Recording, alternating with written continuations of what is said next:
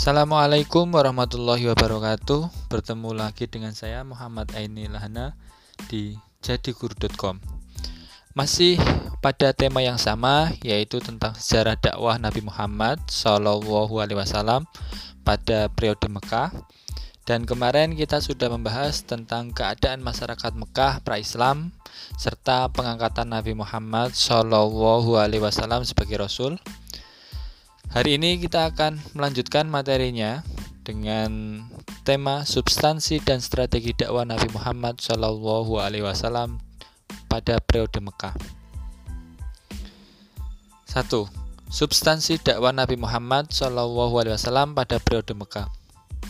Ada beberapa substansi uh, yang terkandung di dalam dakwah Nabi Muhammad saat periode Mekah. Tapi sebelum kita membahas Eh, substansi-substansi uh, yang terkandung di dalamnya uh, sedikit kita uh, apa uh, sedikit kita uh, telaah apa itu yang namanya substansi. Substansi kalau di dalam kamus KBBI adalah watak yang sebenarnya dari suatu atau isi atau pokok atau inti. Jadi kalau kita membahas tentang substansi dakwah Nabi Muhammad Shallallahu Alaihi Wasallam pada periode Mekah, berarti e, inti dari dari apa? Dari dakwah itu dari dakwah Nabi Muhammad itu sendiri atau pokok dari dakwah Nabi Muhammad. Adapun beberapa pokok dari dakwah Nabi Muhammad itu di sini kita akan e, menerangkan empat pokok, yaitu yang pertama menanamkan ajaran tauhid inti ajaran tauhid yang Nabi Muhammad SAW eh, ajarkan kepada masyarakat Mekah adalah dengan mengajak masyarakat Mekah dari Arab umumnya yang kemarin kita sudah membahas Arab uh, apa uh, pra-Islam untuk menyembah Allah dan meninggalkan berhala. Jadi bukan sebelum adanya Islam mereka terkenal dengan sebutan jahiliyah karena tradisi amoral mereka serta tradisi yang uh, tidak kenal dengan yang namanya Tuhan.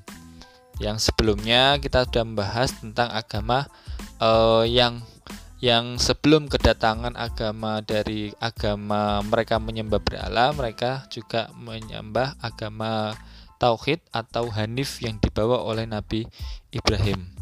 Setelah menyembah Allah dan meninggalkan berhala, ajaran tauhid yang diajarkan Nabi Muhammad SAW, yakni beriman kepada Nabi Muhammad SAW sebagai Rasulullah dari beriman kepada hari akhir sebagai pertanggungjawaban amal manusia di dunia.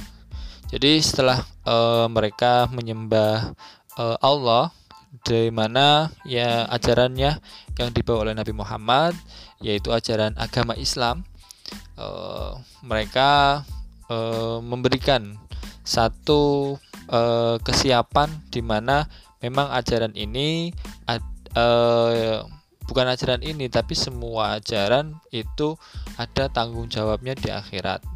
Besok di akhir akhir akhir zaman gitu. Selanjutnya yang kedua adalah hari pembalasan Islam mengajarkan bahwa setiap manusia pasti akan mengalami kematian. Kematian yang dialami setiap manusia bukanlah akhir kehidupan, tetapi merupakan awal kehidupan. Sebab setelah kematian akan ada lagi kehidupan yang kekal. Oleh karena itu, ketika hidup di dunia, hendaklah berlomba-lomba dalam kebaikan.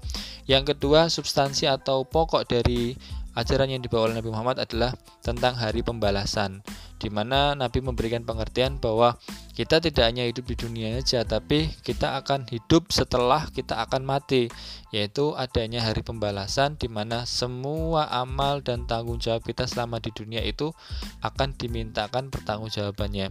Jadi eh, semacam kayak eh, apa meminta atau menagih tanggung jawab yang mereka lakukan selama di dunia.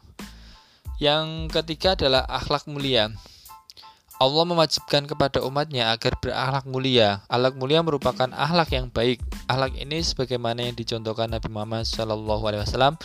Inti ajaran akhlak mulia yang diajarkan Nabi Muhammad SAW sebagai berikut. Yang pertama, mengajak manusia untuk berbuat amar ma'ruf nahi mungkar. Yang kedua, mengajak manusia untuk saling mengasihi, menyayangi, dan menghormati satu sama lain. Yang ketiga, mengajak manusia untuk selalu jujur, adil, amanah, bertanggung jawab, berjiwa sosial, dan lain sebagainya. Jadi yang ketiga adalah substansinya adalah eh, akhlak mulia di mana memang salah satu nabi diutus di dunia adalah untuk menyempurnakan akhlak. Nah, tuh. Yang keempat adalah memberikan teladan dalam kehidupan sehari-hari. Nabi Muhammad SAW merupakan teladan yang baik atau uswatul hasanah untuk itu, dalam periode Mekah, tingkah laku Muhammad Shallallahu Alaihi Wasallam menunjukkan contoh terbaik bagi masyarakatnya. Beliau melarang berlaku curang dalam jual beli, memerintahkan untuk membebaskan budak, menghargai kehidupan wanita dan keluarga dan sebagainya. Jadi yang keempat adalah memberikan teladan dalam kehidupan sehari-hari. Intinya melakukan perilaku yang baik. Uh, wabil khusus menghapus uh, apa kegiatan-kegiatan amoral yang sebelumnya dilakukan oleh kaum-kaum uh, sebelumnya yaitu yang mereka akhirnya dinamakan sebagai kaum jahiliyah. Jadi ada uh, empat substansi yang dilakukan oleh Nabi Muhammad dalam periode Mekah ini. Yang pertama menanamkan ajaran tauhid, yang kedua hari pembalasan, yang ketiga akhlak mulia, dan yang keempat adalah memberikan teladan dalam kehidupan sehari-hari. Selanjutnya kita akan membahas strategi dakwah Rasulullah SAW pada periode Mekah. Sejak mendapatkan wahyu kedua, Rasulullah SAW menggunakan strategi dalam berdakwah. Strategi yang dilakukan Rasulullah SAW dalam menjalankan misinya sebagai berikut. Jadi, ada beberapa strategi yang dilakukan oleh Rasulullah. Yang pertama adalah strategi dakwah secara sembunyi-sembunyi. Yang kedua adalah dakwah secara terang-terangan. Kita akan bahas dakwah secara sembunyi-sembunyi terlebih dahulu. Untuk dakwah secara terang-terangan kita akan bahas minggu yang akan datang. Yang pertama, dakwah secara sembunyi-sembunyi. Ya ayyuhal muddathir, qum fa'anzir, wa rabbuka fakabbir, wa thiyabaka fatahhir, warujza fahjur, wala tamnun tak tas tas taksir, wali rabbika fasbir. Setelah turun surat Al-Mudathir yang tadi sempat saya bacakan dari ayat 1 sampai ayat 7, Rasulullah SAW melakukan dakwah secara sembunyi-sembunyi. Hal ini dilakukan agar manusia tidak terkejut dengan ajaran Islam yang belum pernah mereka ketahui dan mereka dengar.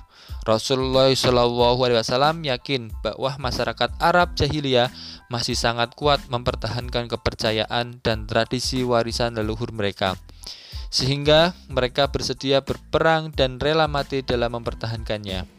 Pada masa dakwah secara sembunyi-sembunyi ini, Rasulullah SAW menyeru untuk masuk Islam kepada orang-orang yang berada di lingkungan rumah tangganya sendiri dan kerabat serta sahabat dekatnya. Adapun yang mula-mula beriman kepada Allah Subhanahu wa taala dari kalangan keluarga beliau adalah istri beliau yaitu Khadijah, putra paman beliau yaitu Ali bin Abi Thalib, budak dan sekaligus putra angkat beliau yaitu Zaid bin Harithah. Selanjutnya dari sahabat beliau adalah Abu Bakar yang kemudian disusul oleh sahabat-sahabat yang lain sebagai berikut.